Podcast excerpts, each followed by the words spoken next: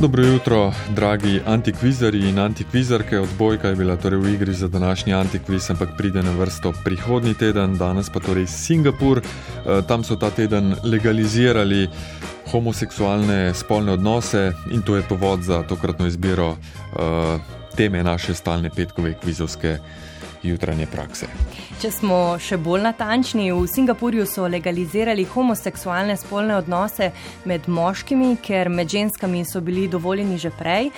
Oziroma, niso bili kaznivi, je pa tudi res, da intimnih odnosov med moškimi niso preganjali, čeprav je obstajala za to pravna podlaga. Bodimo torej natančni. Ja. Tako, pravne podlage za sodelovanje v antikvizu poznate, pet trditev med njimi iščemo napačno, to morate povedati. Dobite nas pa na nič 1475-2202, tole pa so torej podatki o Singapurju. Podatek številka. Ena. Drugi singapurski predsednik, ki je bil na položaju tri mandate, je bil tudi kirurg in hkrati oče vaginoplastike. Podatek številka dve. Od 60. do 90. let prejšnjega stoletja je bilo v Singapurju moškim prepovedano imeti dolge lase, zato skoraj tri desetletja tam niso gostovale svetovne glasbene zvezde. Ja, eh, podatek številka tri. Če Singapur zapuščate z osebnim avtomobilom, bodo organi na meji preverili, ali imate rezervoar goriva napolnjen vsaj do treh četrtin. Četrti podatek: Singapur ima s svojimi sosedami pogosto napete trgovinske odnose, ker iz njih na črno uvaža preveč peska.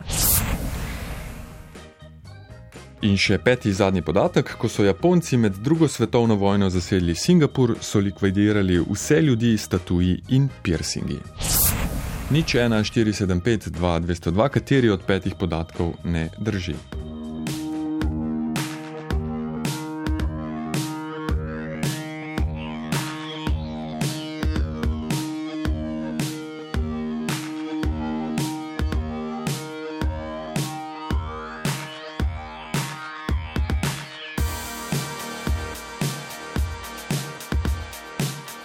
Ja, Ludvik, dobro jutro. Dobro jutro. Ludvik je še na telefonu, uh, vmes lahko še enkrat jaz povem, dvakrat, trikrat sem že omenil odbojko. Uh, današnja posebna nagrada, uh, razen če boste izredno hoteli majico Vala 202, dve vstopnici za večerno tekmo slovenske odbojkarske reprezentance, odbojka uh, tema prihodnega antikviza. Mi pa torej uh, k Singapurju nazaj, ne Ludvik. Dobro jutro. Dobar dan. Dobar dan. Dobro jutro, Dobar dan. dan. Dobar dan. Ja, zagonetno vprašanje, bi se pa odločil za tretjega. Mm, Da, gorivo, zakaj? Tako, tako, ja, neko nelogično, ja, da bi preverjal nivo eh, goriva v keslu, ali bi na, po domače povedal. Ja. Sem slišal Teslo. Prosim? Nisem slišal dobro. Ne, zdaj sem pomislil, uh, gorivo, ja, lahko je električni avtomobil, kako potem to preverjajo. Ampak Tako, tako. uh, to je res potem že alineja, ne vem, nekje spodaj. Dejstvo je, da uredba pravi, da mora vsako vozilo registrirano v Singapurju ob izstopu iz države imeti rezervoar za gorivo napolnjen vsaj do treh četrtin in s tem naj bi Singapurce odvračali od tega, da hodijo čez mejo v Malezijo točiti precej cenejše gorivo. Singapur je v bistvu otok, ki je s celino povezan z dvema daljšima mostovoma, crka 2 km, prek katerih se pripelješ v Malezijo. Torej gre za eno najbolj prehajanih mej na svetu. 350 tisoč ljudi, ljudi dnevno gre te, prek teh uh, mostov. Predvsem Malezici uh, iščejo priložnosti v Singapurju. Ja, in na tej meji je zelo močan nadzor, tudi kar zadeva očitno rezervoar za gorivo v smeri iz Singapurja, ne samo za Singapurce, ampak tudi za Malezice to veljane. Zakaj? Cena. Uh, Ob, teh, ob tem podatku to postane logično. Cena 98-oktanskega benzina v Singapurju stane 1,948 evra, eh, čez 2 km dolg most na drugi strani v Maleziji pa 46 centov. Samo 2 km stran. Tako, Ludvik. Je dan. Enako. Lep dan. Ja, živim. Nasvidenje. Dio, nasvidenje. Uh, Toni, pozdravljeni, dobro jutro. Dobro jutro, lepo zdrav. Dobro jutro. Uh, jaz pa mislim, da tatuji niso ta pravi. No? Po čem se vam to zdi? Ne vem, tako, čez navdih varianta. Navdih, uh, ste potetovirani. Ne. Hm, potem vas ne zadeva tako, mislim, ne bi bili osebno prizadeti. Ja, Ne, ne, ne um, ne, neka zgodba za tem je. Ne. Omenil sem tatuje in piercinge in vse ljudi. Uh, zgodba za tatuje obstaja, je pa dejansko podatek napačen, ker je preveč napihnjen. In, ampak poslušajmo od začetka. Eno temnejših poglavij Singapurja, uh, samostojen sicer od 31. augusta 1963, ampak obstajajo seveda že prej. Ne, uh, temnejših poglavij Singapurja in Velike Britanije, pod katero je takrat spadal. Um, za Veliko Britanijo je bila to v bistvu ena največjih vojaških udaj v zgodovini, če ne največja, še posebej zato, ker je šlo za izgubo strateško ene najpomembnejših točk med drugo svetovno vojno. Sukčing ja, Tako. se imenuje vse to dogajanje med uh, 18. februarjem in 4. marcem, ko je potem uh, Singapur dokončno zasedla Japonska.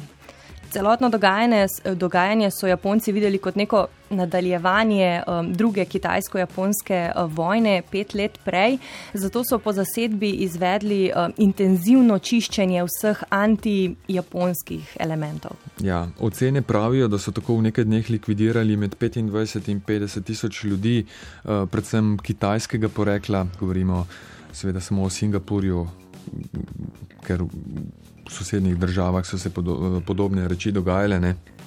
Pripravljen je bil tudi seznam skupin ljudi, ki jih je bilo treba odstraniti, uh, proti japonski delavci v medijih, bogati proti japonski filantropi, ljudje kitajskega porekla, po definiciji naj bi bili komunisti, oni ne.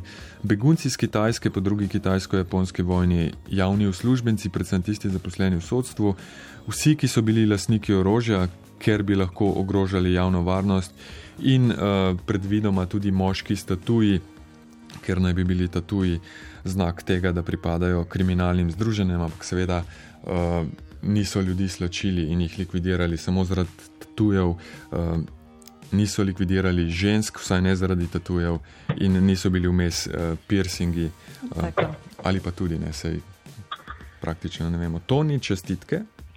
Hvala lepa. Uh, pustite podatke uh, pri uh, Jrneju, bi šli zvečer na odbojko, Oziroma boste šli. boste šli. No, se boste zmenili v režiji. Uh, Toni, hvala lepa, lepo zdrav. Dejan, več sreče prihodnič, midva pa še k ostalim trem. Ne?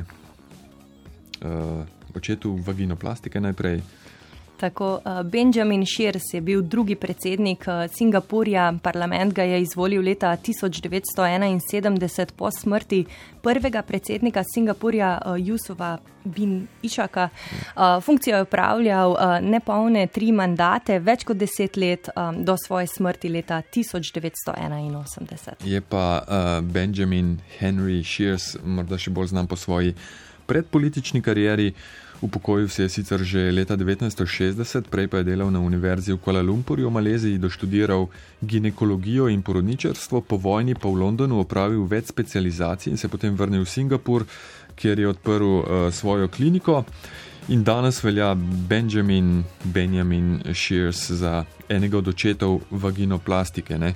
Medicini pa je zapustil dva velika dosežka, tehniko Ja, tehniko oblikovanja umetne vagine za tiste, ki so se rodili oziroma rodile brez nje in tehniko še danes uporabljajo predvsem pri uh, spremembah spola. Njegov drug velik dosežek pa je že med uh, japonsko okupacijo Singapurja, ko je začel s carskim rezom na spodnjem delu trebuha, uh, prej so res naredili više. Ja, s tem je takrat zelo zmanjšal umrljivost novorojencev. Torej, nekdani singapurski predsednik Benjamin Shears, um, kot izdaja ime in priimek, je imel britanskega očeta, mama je bila pa singapurka z nekaj španskimi in nekaj kitajskimi uh, geni. Oče je vaginoplastike, kitajska, kitajski, singapurski predsednik. Uh, dolgi lasje. Dolgi lasje. Ja.